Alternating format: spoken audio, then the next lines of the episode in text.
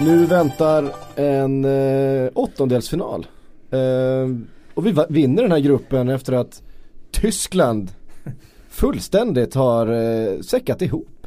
Vad hände där? Sydkorea från ingenstans. Jag vet att ni har en tes här kring eh, det här med, med att spela, Ja. spela mot, mot lag som inte har något att spela för då på Ja, pappret. den består av lite ganska många delar den Men- eh, tesen kan Ja. man säga. Vi kan väl säga att det, det började i en diskussion att eh, här sker alltså den största, det kanske största fiaskot i, i fotbolls-VMs historia.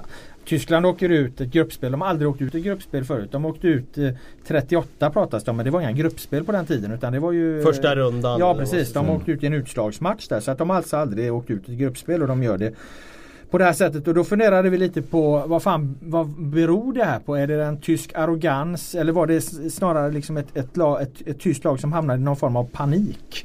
Och vi landar väl någonstans i att det är ett mellanting av de här grejerna. Det är ett, ett Tyskland som går in väldigt arrogant i den här turneringen. Åker på en stjärnsmäll mot Mexiko på grund av sin arrogans och sva, sva, svaga försvarsspel. Och sen håller den arrogansen liksom i sig, egentligen inte mot Sverige för där, där gör de det ganska bra men, men mot Sydkorea som vi har tittat om här nu så eh, är de ju halvarroganta i första halvlek. De håller sin plan och så vidare. Och sen när Sverige gör mål tidigt i, i andra halvlek då hamnar de alltså i någon form av pani- panikläge. De har väldigt få målchanser i, i, mot Sydkorea i den andra halvleken. Så det är en kombination av en arrogans som sen övergår i en panik när de inser att vad fan vi är inte så här bra.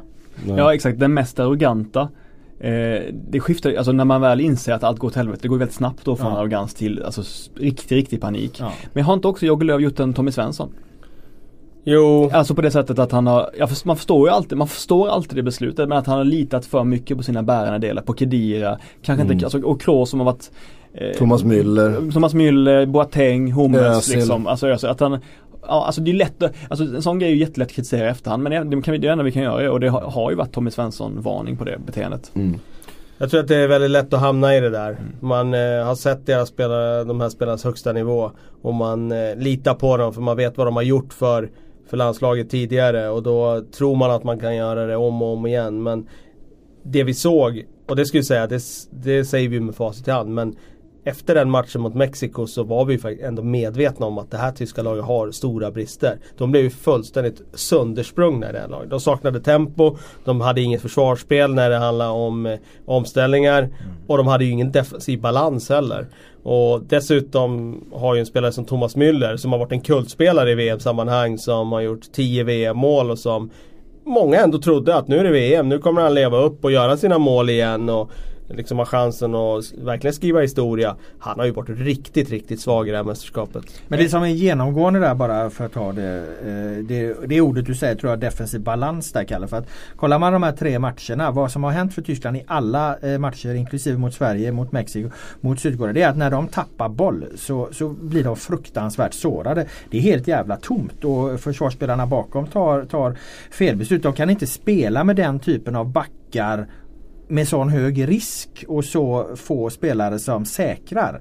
Och det är just vad en defensiv balans är. Den existerar inte den defensiva balansen. Det ser man ju också mot Sydkorea. Men jag förstår inte heller liksom om Real Madrid kan spela med, med Toni Kroos och Luka Modric på sittande mittfält och ha en jättebra defensiv balans för att de tar jobbet, de täcker ytor. De Men Modric är mycket bättre Ja defensivt. exakt, men de har ju, jo, men då, jag menar i grunden så Alltså, alltså en fördom är ju att Kedira och Kroos är ännu mer kanske defensivt balanserat i grunden än, än, vad- än vad Kroos och Modric är liksom. Men Kedira tar ju sig löpningar framåt och så vidare, Kroos vill sätta passningsspelet. Men de två är ju inte jätteoffensiva liksom. Borde inte de kunna ta ett större ansvar? Men det är mer komplicerat än så. Det handlar ju också om hur man viktar i övrigt. Om man tittar på Tysklands uppspelsmodell så har den varit I princip har den varit 3-1-6.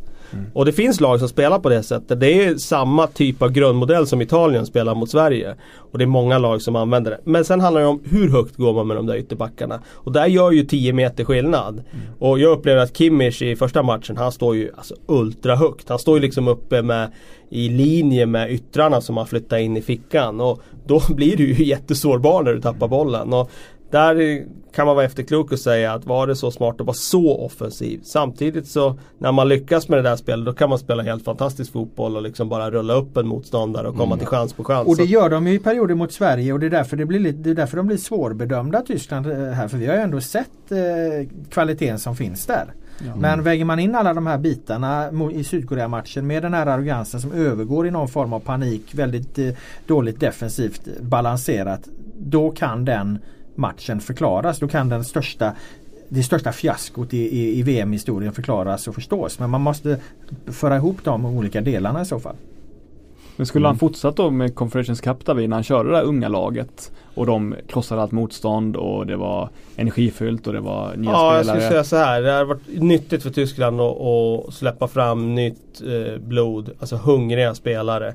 Det är så lätt att peka på Sané nu liksom. Nu spelar de ju med Demytra som, som slickar kanten och det, var, det tror jag var en stor anledning till att han inte var med. Men då kanske man skulle ha hittat ett sätt att för att få in de här spelarna på ett annat sätt. För att jag tror både Goretzka och, som var väldigt bra i Confederations Cup och, och Sané hade gett det här laget. Och Brandt också som inte startade eh, i början av turneringen. Jag tror att de hade gett dimensioner som Tyskland hade behövt. Löv sa väl själv att han upplevde sina spelare som arroganta där. Att han alltså han försvarar ju sitt beslut lite då att jag litar på de här för kvaliteten finns men de eh, svek mig. Ja, och Hummels säger. några till säger att de har inte ut en bra match under hela 2018. Alltså att det borde kommit fler varningslampor efter de halvsvaga träningsmatcherna menade tyskarna själva. Ja, vi gjorde en väldigt, väldigt bra träningsmatch mot Spanien. Ja, men, eh, Ja, i mars ja. I mars. Ja, och det, ja. den såg jag och då var jag otroligt imponerad av båda de lagen. Det var ju fotboll på en extremt hög nivå. Jag tror att de har den nivån i sig. Men då mötte de Spanien och det kanske var så att de taggade till för den matchen. Mm. Span ju fast- Spaniens tempo kanske lyfter dem också. Liksom, att, eh, Dessutom. Sen ska vi säga att de spelade en match mot Österrike här inför den här turneringen. Som var allt Ja. annat än imponerande. Och som sagt, jag tror att de varningsklockorna började ringa då. Och vissa såg dem och vissa hörde dem. Vissa valde att inte höra dem. Och eh, det blev kostnaden för, för dem själva. Jag- Jag hörde, jag hörde den tyska journalisten eh, Rafael Honigstein i en annan podcast här eh, beskriva, någon, han, han jämförde det här Tyskland med, de gjorde ett England, som England brukar göra. De kommer med, de har ett gäng stora stjärnor, eh, de har ofta gått bra i, liksom, i kval och så vidare, kommer dit och sen någonstans så kommer de på att fan det finns andra som kan spela fotboll också. Då ska liksom stjärnorna lösa det på något sätt. Man är arrogant bekväm och så slutar det i att man har panik på slutet. Ehm, Ingenting och, funkar. och, och, och, och ingenting funkar och det är liksom ett landslag i upplösningstillstånd i stort sett. Ehm, det, är ju det, det, är ju det här England har gjort i så många mästerskap de senaste decennierna. Ehm, det är precis vad Tyskland gör den här gången. Sen kan man ju föra in eh, ytterligare en variabel i det då angående vilka de möter. För det färgar ju bilden av fiaskot att det är så stort. För man pratar om att eh, det är ett Sydkorea som inte har något att spela för. Men där har ju du en eh, intressant teori Boman. Ja, alltså det pratas ju alltid så här om så här, man är rädd inför den sista gruppspelsmatchen att de som redan åkt ut, att de bara ska ge upp, Ja. lägga sig platt, liksom skita i det. Men det, uppenbarligen så Ibland tycker jag nästan som att stoltheten hos eh, ett Iran, ett Sydkorea, Marocko. Marocko Att man vill visa för hemlandet att vi är inte så dåliga som, som det verkar att vi förtjänar mer Den överbrygger nästan det andra lagets oro för att, för att åka ur liksom. Så att den, den, de känslorna är ofta starkare får man intrycket av. Att de, att de, bjuder, de har helt enkelt bjudit upp till dans i varenda match när ett lag som redan åkt ut har Nej, det är en myt. att spela för. Det är en myt helt enkelt. En myt Ja. som absolut inte stämmer. Och, och, och när, när du sa det här då gick jag tillbaka och tänkte liksom hur resonerar vi inför EM 2012 när Sverige är utslaget efter Precis. två matcher. Och jag minns känslan där liksom att vi ville ta med fan vinna mot Sverige. Det var jätte, det pratades jätte, eller mot Frankrike. Det pratades jättemycket om att nu skulle man göra en bra match. Mm. Och, och det blev ett jävla eh, drag i, hos oss journalister också när Sverige, eller Zlatan gjorde det här fantastiska målet och, Just det. och, och så. så att man går för den här tredje matchen. Och jag sa fel innan, Iran hade ju såklart saker att spela för. Costa Rica menar jag. Mm. Plus att man i det läget har någonting att spela för. Men man har inte pressen. Det, man har inget att förlora egentligen. Utan du kan, du kan spela ut. Du kan eh, på något sätt eh, Ja, du vill egentligen lika mycket men du har ingen press på dig. Nej, exakt. Vi tror- vi det är tror den att- bästa förutsättningen rent mentalt för att spela fotboll på Vi egentligen. tror att man skiter i det men, men det gör man inte. Nej, och jag tror att det också grundar sig i att VM är så stort och att man känner att VM spelar man var fjärde år. Det är inte säkert vi är här ens nästa Nej. gång om, fy, om fyra år. Kanske sista gången i mitt liv jag får spela en VM-match. Och precis det som du är inne på först, det tror jag är det stora. Man vill visa hemlandet att vi är inte så här dåliga. Men man ger någon stolthet tillbaka. Och För det var precis så det var mot Frankrike. Man, Mm. man, man, då skulle de visa att vi är inte så jävla dåliga. Det var egentligen fel att vi åkte ut. För att det är så viktigt för laget också att få med sig den skjutsen Jag måste in. bara säga, dessutom hade väl Jung Min Son ett, eh, något speciellt att spela för att eh, undvika militärtjänstgöring va. De, de, det krävdes någon slags resultat i VM, en seger eller vad det var för att han skulle eh, då ha tillräckligt mycket landslagsmeriter för att slippa den eh, koreanska militärtjänstgöringen. Men med den här logiken så kommer alltså Panama-Tunisien bli den bästa matchen i, i, i, hela VM, ja. VM-turneringen. Men, det kommer bli en sån total explosion va? Varning för Polen ikväll då ja, mot, ja, mot, mot Japan. De, de slår Japan ja. med minst 2-0. Ja. Och Sydkorea efter de har vunnit över Tyskland, jag menar de grät ju nästan. Alltså det, de firade på läktarna och det var sån glädje och känsla. Så att verkligen alltså den här matchen betyder även om de är utslagna. Det står, yep. hamrar vi fast här nu. Vi har avlivat en myt. Ja det har vi gjort. Um, vi eh, blickar lite framåt. Mot uh, den åttondelsfinalen som Sverige ska spela mot Schweiz. Vi har ett par punkter jag tänkte vi skulle uh, snegla lite mot. Uh, till att börja med, vad är det för lag vi möter? Vad är det för Schweiz? Vi har pratat en del om Eh, albanska målgester och vi har pratat eh, om ett landslag som Eh, Eh, ser intressant ut till vissa delar på pappret men som Blick uttryckte det så här, spelare för spelare är Schweiz bättre än Sverige. Och det kan man väl hävda att det är liksom det är större stjärnor, det är större lönekuvert på eh, en del av de här spelarna än vad det är på de svenska. Men en oerhört oviss tillställning eller hur? Alltså de är ju som oss, ganska lika. Dels tror jag att de är väldigt eh, underskattade av många andra länder. Eh, precis som Sverige är underskattade av många andra fotbollsländer. Schweiz tror jag är gravt underskattade av hela fotbollsvärlden. Eh, de har ju knappt förlorat en match på, vad är det, 20 matcher eller något sånt mm. där de har. Och, om det är en förlust eller noll förluster. Det är någonting sånt där. Det är ett otroligt facit i alla fall. Tittar man på deras lag så det är ju samma typ av organisation som Sverige. Inte riktigt samma kollektiva liksom sådär minutiösa noggrannhet i försvarsspelet. Men det är ändå ett väldigt bra organiserat lag. Det är ett fysiskt lag. Vi har ingen fördel i det rent fysiska spelet. De har också storlek. Det är ett lag som springer mycket. Vi har ingen fördel av det. Eh, och sen tycker jag att de har individuellt sett bättre spelare än vad Sverige har. Eh, tittar man på backlinjen så är det en eh, fantastisk backlinje tycker jag. Rodriguez har ju varit Eh, har ju kopplats samman med stora klubbar i 5-6 år. Men inte fått den där flytten till liksom någon av de största klubbarna. Kanske Vänsterbacken. Mm. Högerbacken Stefan Lichtsteiner. Förra, förra sommaren då när han gick till, till eller två somrar sedan han gick till Milan. Ja, ja, det är det kanske. Men Milan är ju inte riktigt på den nivån längre. Jag menar när, när han var som allra hetast ja. och går tillbaka 5-6 år. Då var det ju de allra största klubbarna och hetaste klubbarna i Europa som var ute efter honom. Eller i alla fall att han kopplades samman ja, med dem. Och sen till höger då Stefan Lichtsteiner som har varit en av de bästa högerbackarna i eh, jag skulle säga i Europa där han kanske inte har varit topp 5 men han har varit liksom där, där uppe. Och som tillhör stora klubbar, Lazio och Juventus nu då. Eh, Arsenal nästa säsong. Arsenal nästa säsong. Eh, Mittbacksparet tycker jag är eh, också underskattat. Den här nya Akanji som är ung och, och lovande tycker jag är en av turneringens bästa unga backar faktiskt. Kär, meriterad för att liksom ändå vara det, och där är det ju det att, att både, både Lichsteiner och eh, Kär är avstängda mot Stämmer, Sverige. stämmer. Så det är en jättefördel för oss. Ja det som är fördel. intressant med den avstängningen är att det är ju höger inneback och högerback som är ja. avstängda. Det där är, kommer in i helt uh, nytt i, i uh, Ja det blir en ganska stor betydelse av det. Mm. Tyder kanske att de kommer täppa till där istället då va? Ja vi funderar ju på det vad de tar in för spelare istället och Lichsteiner är vad jag förstår ganska offensiv av sig. Ja, det är. Mm. Så och då alternativet då Jag tror de har någon defensiv mittfältare slash mittback slash högerback Lang eh, tyckte jag skrevs om att han kanske tar den platsen. Ja, men sen, eh, oavsett det blir han eller inte så blir det ju förmodligen en mer defensiv eh, lösning ja. och eh, det kanske inte var så jävla bra ändå. nej. nej. Men, nej, men det är klart att tappa ett helt jävla högerblock det vill man inte göra. Men Lichstein är en sån där jobbig spelare att möta. Mm. Han springer ju. Jag skulle säga att han är en light-version av Javier Zanetti när han var som bäst. Han springer, han är stark i kroppen. Det går liksom inte att springa förbi han. Han är rätt ful också. Och, och när man går förbi mm. han så hinner han ikapp igen. Då kommer han tillbaka. Ganska ful. Eh, Oerhört mitt, otrevlig också sen tycker jag mittfältet, är, mittfältet är jätteunderskattat ja. tycker jag.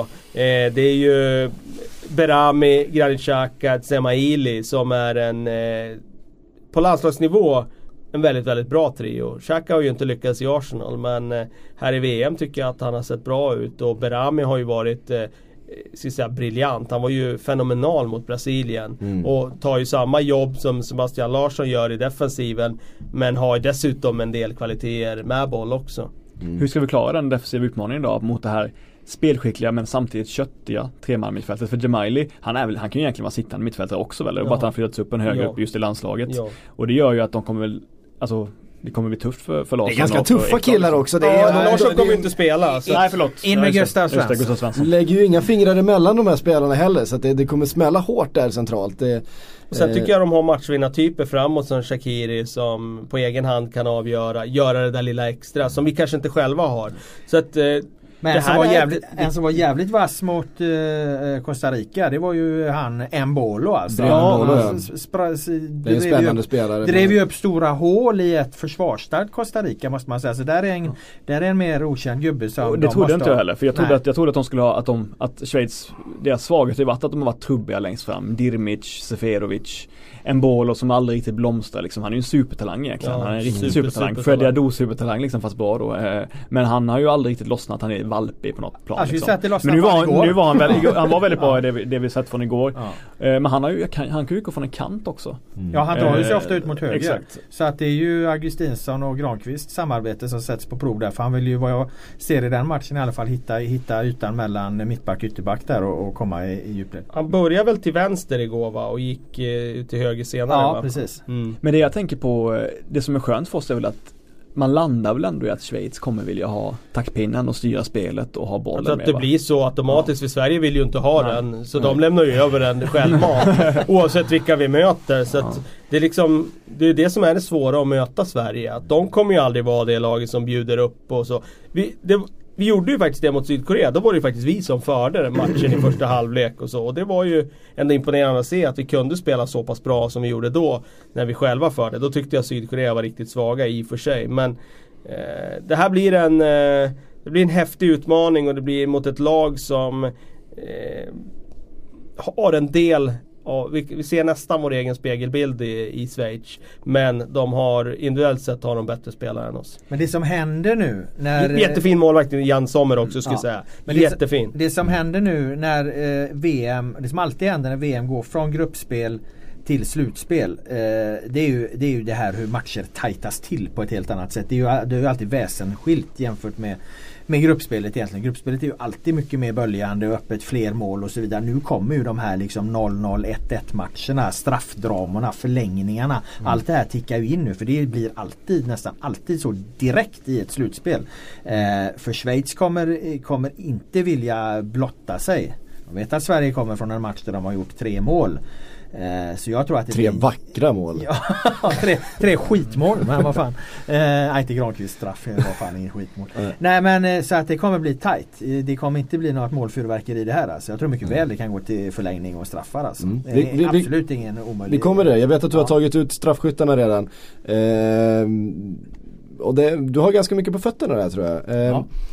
Eh, Men först så måste vi ersätta Sebastian Larsson och då är det väl Hiljemark och eh, Gustav Svensson det står emellan. Det måste bli Gustav va? Han hade ju tagit in eh, Gustav där igår. Jag kan inte Mm. tänka mig att han i det läget väljer en annan spelare. Men då vill han ju stänga matchen å andra sidan. Åh.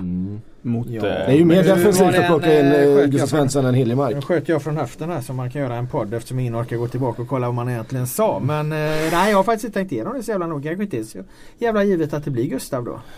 Jag Nej alltså Det är inte givet men jag tror ju att han går på lite mer storlek fysik och jag tror att det blir eh, Gustav Svensson. Det är bara en känsla. Eh, mer än att man egentligen vet.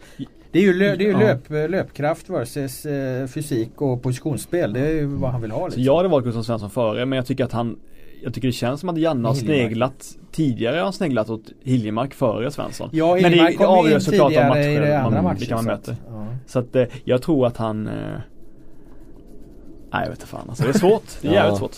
Vem det än är så kommer det bli eh, hårda bud där inne så att... Eh, Men nu har jag min teori. Vad, vad, vad jag lutar. Jag menar när Sebastian Larsson blir skadad. Eh, då har han ju sitt kort givetvis. ja, Så att då vet Ja. ju Janne att han är avstängd. Och då måste han ju ta med i beräkningen eh, lite ändå att det- efter man sätter in Gustav. Det är inte bara Mm. Det måste finnas en tanke att han tänker att eh, här, här, den här gubben ska ju spela i nästa match liksom. Men när blir han skadad? Vad Ja det, ja, det är det jag sitter och 60 funderar på. Nej men Vad tar han inte då? det beslutet Vad står då. det, vad står det då? Två Nej det står bara 2-0. När, när tar han Ja. sitt kort? Men, men kan det vara... Ja, det tar han ju tidigt Ja, fan. 30 Den är ju år första men, kan det vara så att, att Gustav Svensson är mer ersättare för Sebastian Larsson och att Hiljemark är mer ersättare för han pratar, Ekdal liksom? han pratar ju väldigt mycket så, så Janne att, han, eh, att det är två på varje position väldigt Ja. tydligt liksom. Det, för det resonerar han ju med Durmaz där när han förklarar det bytet sen efter att vi har två på varje position och, och, och vi gör de bytena liksom. Mm. Punkt slut. Eh, men andra sidan så trodde jag att han skulle ta in Gustav i om det var Sydkorea-matchen där men då var det Hiljemark som kom in istället och, och så. Vi får se helt enkelt. Ehm, Robert, jag vill höra dina straffskyttar. Och din teori framförallt om eh, kring vilka som ska slå dem. Okej, jag drar straffskyttarna och sen så drar jag teorin och sen får ni reagera på dem. För att eh, straffskyttarna utan teorin eh, blir konstigt. Jag tror det här kommer att överraska. Jag tror att Granqvist slår första. Jag tror att Forsberg slår andra. Jag tror att Gudetti slår tredje. Ludde Augustinsson fjärde och Victor Nilsson Lindelöf femte. Och det här bygger jag eh, på att Granqvist är ju fullständigt given och man skickar alltid fram sin bästa skytt först. Eh, Forsberg Förutom i VM 94 när Mild skulle dra den första. Av någon fick- anledning. Ja men det fick de ju ändra. Det var, Ja. ju, det var ju ett myteri av Mild för Ja, jag vet. Alltså. Ja, han vägrar slå annars va? Ja, han, han vill ju definitivt slå den. Men normalt gör man ju så. Jag tror i det här kollektivet så är det inga som kommer att protestera. Forsberg tror jag, nu följer inte jag landslaget riktigt så jävla nära som jag, jag gjorde förra om åren. Men jag tror att Forsberg är andreskytt i, i, på straffarna. Han missar ju mot Bulgarien men jag tror Ja. ändå att han är andra. Ja, Hans självbild är ju att han ska slå straffarna Ja, enkelt. och, så och, tror så att jag tror han tar andra då. Och sen har vi då eh, de här tre Gudetti, eh, Ludde Augustinsson, Victor Nilsson Lindelöf. Det bygger jag på U21-finalen 2015. Sverige vinner ju U21-guld där på straffar mot Portugal och då slår Gudetti första Isak Kiese Thelin andra, Ludde tredje, sen missar Khalili fjärde innan Victor Nilsson Lindelöf skickar in Sveriges femte straff då. Eh, och de här tre kan ju mycket väl vara på planen. Alltså eh, Ludde och Vigge kommer definitivt vara på planen i 120 minuter och eh, Gudetti bör ju vara inbytt vid det här laget och Gudetti tror jag är en, en, en person som eh, är kall Ja, jag i vill, det läget Ja. för att han eh, tankebanor eh, eh, fungerar inte riktigt som alla andras i en positiv bemärkelse. Så att han, han kommer inte ha några som helst problem att gå och dra in en straff. Även om han inte har på något sätt har levererat i det här mästerskapet. Han går dit och drar in en straff. Så funkar John Guidetti. Och de här har ställts i, i, inför det här och de är hyggliga straffskyttar. jag vill ha in Ola T. På någon, på någon av de platserna, Tror du, han är absolut. kvar, tror du han är kvar efter 120 minuter Ja, det, jag plan? tänker också. Är Berg och Toivonen kvar? Thelin kan ju mycket väl vara på planen. Han slår Ja. också straff i U21. Ja det är bra. Och sen vill jag också ta bort Lindelöf. Alltså jag, jag tycker att han varit väldigt bra i mästerskapet men jag kan se hur Lindelöf går fram med bollen, straffpunkten. Ler bara lite, lite snett, ler bara lite, ett litet leende, ett osäkert leende. och sen att han drar en, en svag straff som Mårten räddar eh, i, i, i målvaktens höjd. Såg du inte hur fint han skär, skär de Ja, nej, men, centrala jo, exakt. fasta Jo men det är en annan sak jag, jag, jag, nej, jag vill in, jag vill ha in uh, Ola T åtminstone. Okej, du, du tar in Ola, men tar du bort då? Ta bort Ja, Vigge bort alltså. Ja, Så absolut. Ola Toivonen, där nationens öde vilar i Ola Toivonens fötter. Jag hade, också, jag, jag hade nog också trott att Ola skulle, men jag tror inte att han är kvar på plan i, i 120 minuter. Det, det är väl det som talar emot, eh, tycker jag. Mm. Eh, Vigge och eller, Augustinsson kommer vara kvar på plan. Eh, Ja, om inte något absolut. väldigt oförutsett. Men en vänsterback och en mittback är ju kvar på plan. ja. ja, det är... Kalle då? Nej, jag tycker att du har gjort ett bra researcharbete där Robban. Jag köper din tes och som sagt jag tror inte heller att Ola T kommer vara kvar på planen. Eh, och då beror det på vilka som har hoppat in. Eh, Guidetti tror jag kommer att slå en straff om han är på planen. Anfallare, eh, den typen som inte liksom har några spärrar. Eh, kan vara ganska bra ibland och, och, eh, i strafflägen. Ludde tror jag slår, Vigge tror jag slår och Granen och Forsberg tror jag är svåra att flytta på. Gudetti vill ju, han vill ju göra det där målet. Alltså, alltså han brinner ju för det. Han vill, ju också vara, han vill ju sätta ett avtryck Ja, här han, också. han kommer ju älska att stå framme vid den där eh, straffskytt, eh, straffpunkten. Alltså, han går ju dit och ställer sig imorgon om det är så. Han vill ju gärna att någon ska psyka honom också tror jag. Ja, han, han vill fan. gärna ha en duell där, att han får säga något, han får liksom äh, agera på något. Någon som, ja men du vet, vi kommer ihåg äh, U21-kvalet där äh, när, vad heter han, Kursawa gör målgesten framför honom och han bara tänder till på det. Han älskar ju det där. Äh, känslor och, och liksom äh, Fan, bommar Gudetti en straff här nu och Sverige åker ut. Då vill lägga ner den här podden. Ehm, vi eh, har fått en del frågor också till det här avsnittet. Jag tänkte vi kunde gå på dem nu då. Är vi, är vi trygga i analysen inför eh, Sverige-Schweiz eller någonting mer vi vill tillägga? Nej, det, det, det kommer ju Det komma in på det inte, kommer närmare. inte, kommer inte bli några taktiska förändringar sett ur hur Sverige spelar. Det, det kan vi vara rätt säkra på. Nej och i detaljplanen kan man ju komma in på Det som är bra är att Sverige har ju spelat med i princip samma startelva I alla matcher här nu. Det är något byte hit eller dit. Eh, och nu får vi ganska lång vila. Det tror jag Sverige har jättemycket nytta av med tanke på att vi har ju inte de här stora breda trupperna som nu liksom Belgien skickar in nya nya gubbar eller vad fan det ryktas om och, och, och så. Så att det är jättebra att vi får vila. Sankt Petersburg. Spelar Ja det är bra roll? för fansen. Ja det är bra Jag för fansen. på att flyga Både för de schweiziska och svenska. Ja jag funderar på att flyga dit min soffa och ställa upp den på torget. Jag tror du skulle flyga dit din katt Robban. Ja vi har inte nämnt Svea här. Nej, just så mycket att prata om det. Ja, vi måste ändå ta upp den. eh, Ja lite vi får göra det. Du, du, du sa här vid, vid, I VM-podden. I VM-podden. Inför alla lyssnare. Ja precis, att om Tyskland förlorar mot Sydkorea så skulle Nej, du... om de inte vinner. Till och med. Om, om de inte vinner då skulle du äta upp din katt. Ja, men jag sa så här att om inte Tyskland vinner mot Sydkorea då ska jag inte äta upp min hatt utan då ska jag äta upp min katt. Jag sa det mest för att det var ett roligt rim. Ja exakt. Ja, ja okej. Vi tog det bokstavligt. Det kan jag säga. Och alla lyssnare också. För jag har fått jättemånga frågor här på Twitter om hur... eh, Hur mår Svea? Ja, men förr i tiden så var sån, katt? sån person som faktiskt gjorde de Ja, grejerna som han exakt, hade det är lovat. det jag menar. Han, hoppade på det direkt. Så någon, någonting annat måste du ändå göra. Jag förstår ju att du inte kommer äta upp eh, din katt och det är jag glad för att du inte gör. Men du måste ju göra någonting annat för det här var ju ändå Jag menar då får du käka upp din hatt då i så fall. Ja, äta kattmat liksom. Ja, någonting, någonting, någonting, sånt. Det finns ju, finns ju flera sätt att lösa det på. Någonting Med måste hedern i behåll. Du får fundera ut det till nästa podd Laul, men någonting måste du ju ändå göra. Är du kan inte komma undan så Den enkelt. här öst, östafrikanska eh, växten katt kanske? Ja, det är väl drog... det är i och för sig drogklassat, Det var ingen bra idé.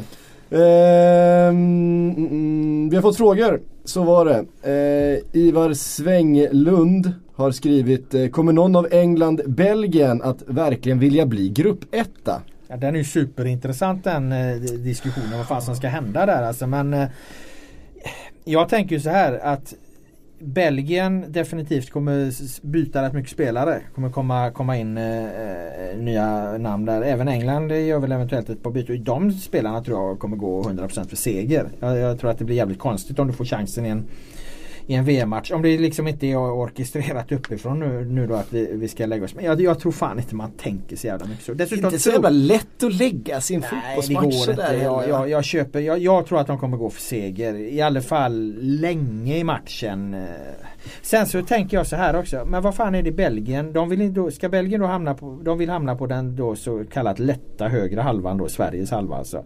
För att få en lättare väg i åttondelen och kvarten. Men då får de ju å andra sidan en svårare väg i semin. För där kommer de ställas mot Spanien eller Kroatien eh, till stor sannolikhet. Är det liksom Belgien ser jag framför mig som ett lag som tänker vi ska till final.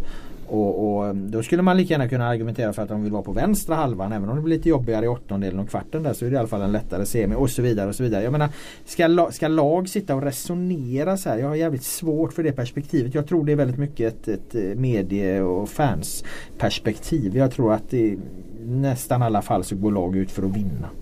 Jag tycker jag mår bara dåligt av det här. Jag tycker det solkar ner turneringen när det blir sådana här diskussioner. Det, Ja, känns, det, känns menar inte, det. det känns som att eh, det förfular hela VM. Liksom. Alltså, man jag ska, det att man ska behöva tänka på det överhuvudtaget. Jag vill, inte, jag vill inte ha någonting med det att göra. Nej men därför undrar jag om det ens förekommer i, i lagen liksom. Utan det är vi runt omkring och eh, tyckare och engelska eh, skribenter och bla bla bla. Liksom. I England är ju här en jättediskussion. Ja, det är det enda de pratar om just nu.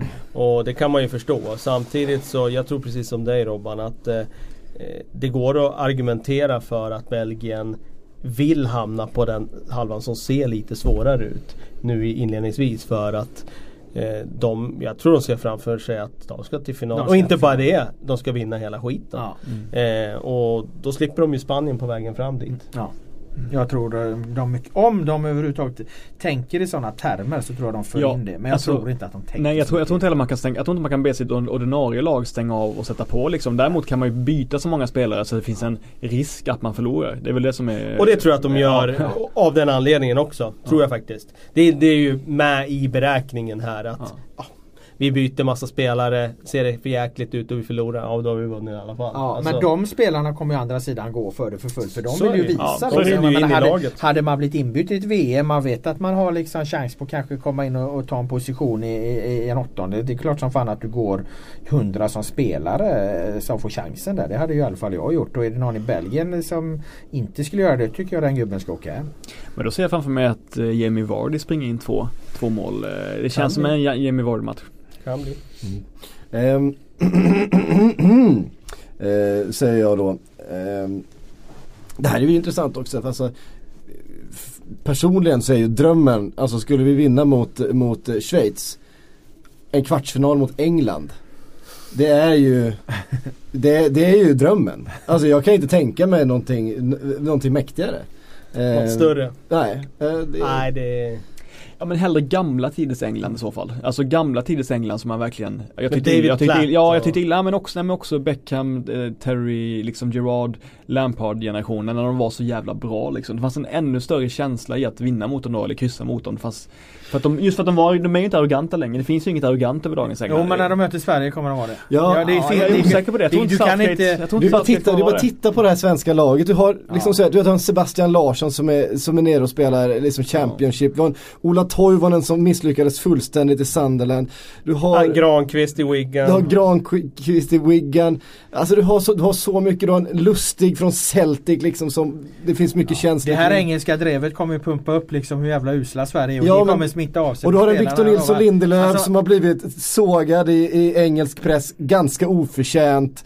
Eh, för de har hit- liksom letat syndabock i Manchester United för det som har hänt där. Du, kan- så här, du kan ta en engelsman till en eh, kvartsfinal mot Sverige i Ryssland men du kan inte ta eh, engelsmannen ur engelsmannen för de kommer gå in på den här planen med och, och vara helt övertygade om att det här vinner vi lätt grabbar. Jag tror, men jag tror möjligen då att folket och pressen kan liksom kan, kan lägga sig på den nivån men jag tror verkligen inte att spelarna eller Southgate kommer vara sådana. Jag tror inte det. Det känns Nej, som att det är ett det helt nytt. England. Ja, jag det tycker känns att som de, ett öd, öd, ja. ödmjukt England faktiskt Ja. på, på många sätt.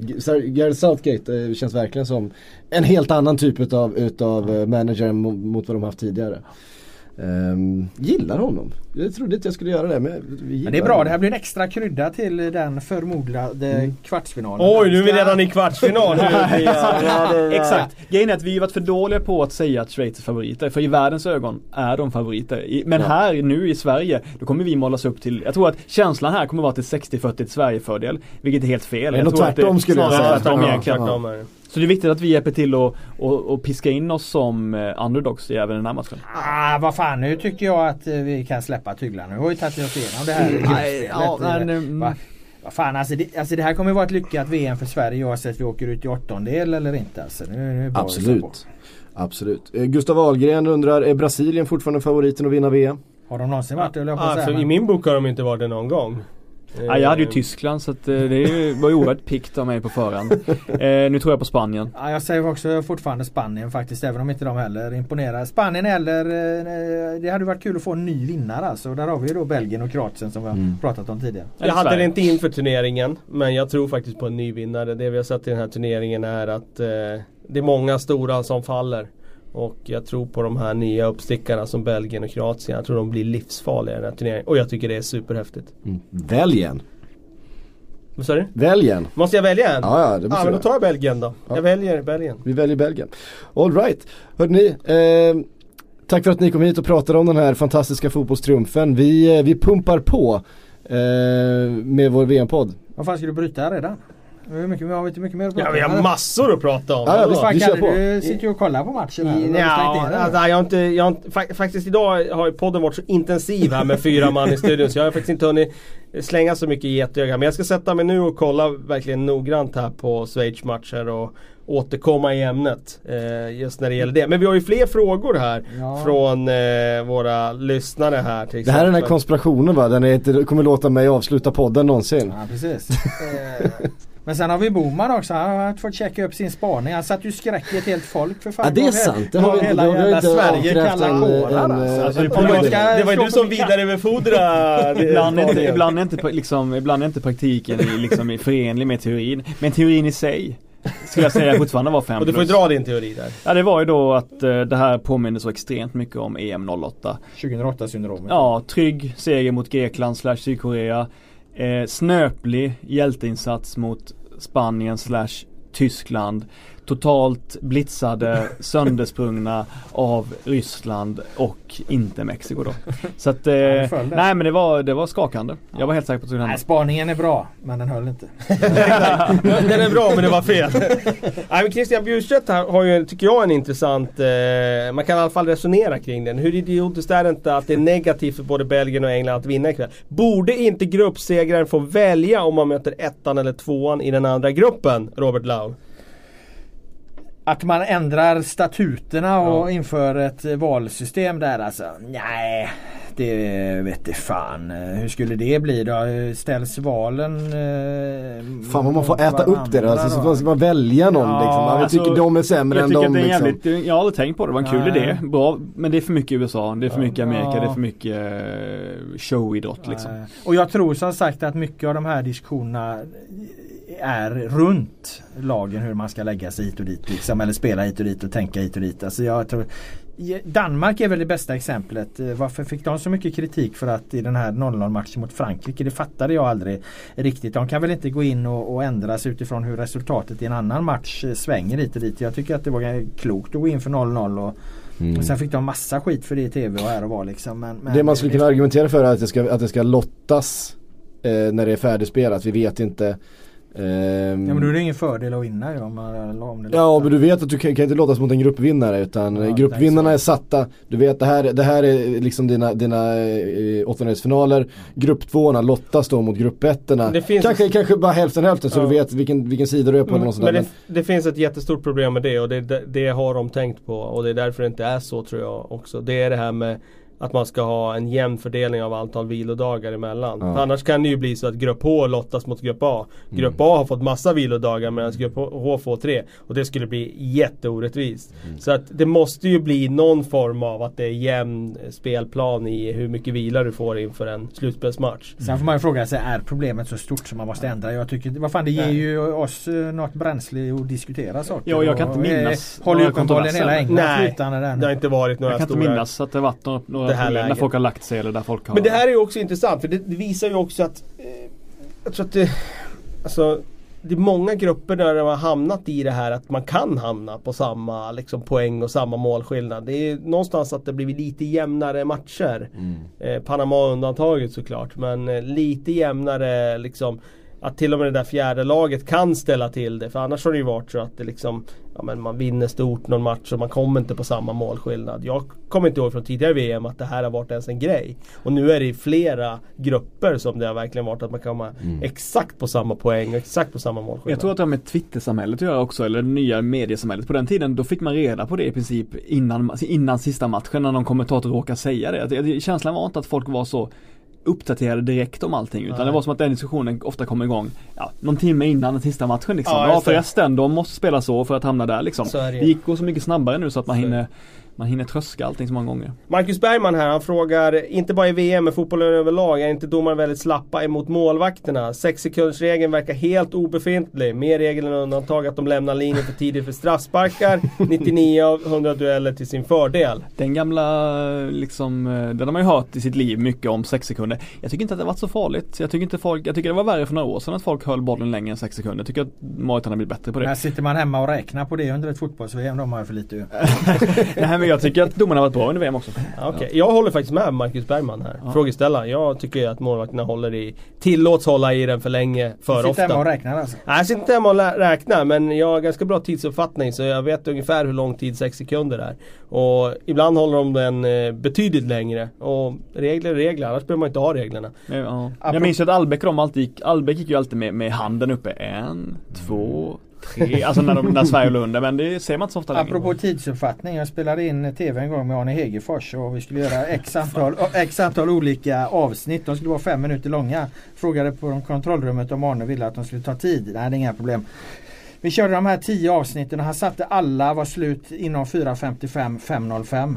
Så där har du lite att leva upp till. Ja det är och, bra. Och känna när det har gått fem minuter. Då är man en rutinerad TV-man. Jag läste ju Wayne Gretzkys självbiografi eh, innan och utan när jag var liten. Jag var väldigt hockeyfrälst. Och han hade en förmåga att eh, på sekunden be kunna bedöma hur långt 30 sekunder var. För när, målvakten, när motståndarlaget tog ut sin målvakt. Då var det många som bara slängde iväg det där skottet. Men han hade alltid uppfattningen på sekunden med 30 sekunder. Så han visste att jag behöver inte skjuta i det här läget utan det är fyra sekunder kvar. Viktigt med tidsuppfattning. Så är det. Ehm, hade du fler frågor Kalle? Ja, alltså det är klart att vi kan... ehm, Eller ska du försöka avsluta? Nej. eh, det, ska, det, det ska inte få hända, eller hur? Fan min parkering går ut om eh, 10 minuter. Ja, men då avslutar vi. vi ska ju få mexikansk käk av chefen också. Ja, eftersom, Precis. vi, eftersom vi blir seger. Ja, det, han, han lovade det i ett svagt tillfälle sa han. Han såg rätt pressad ut här när jag såg att notan drog iväg här. Men det kan han gott ha. jag har ju redan fått dela upp det här avsnittet i två delar eh, för att lägga ut det. Så det, Han ska ju nämligen få flyga min soffa till Sankt Petersburg också om vi får uppbackning ja, från den, poddlyssnarna. det är den diskussionen vi ska ta nu. Nej, det tycker jag är rimligt. Vet ni vad, det här, eh, det här är kul. Det är kul med VM. Det är kul Såklart. att vara här. Eh, Robert, Kalle och Per, tack för att ni var här. Tack för att ni har lyssnat. Vi hörs imorgon igen och sen så är det mer fotboll och så kör vi på. Eh, kul som sagt.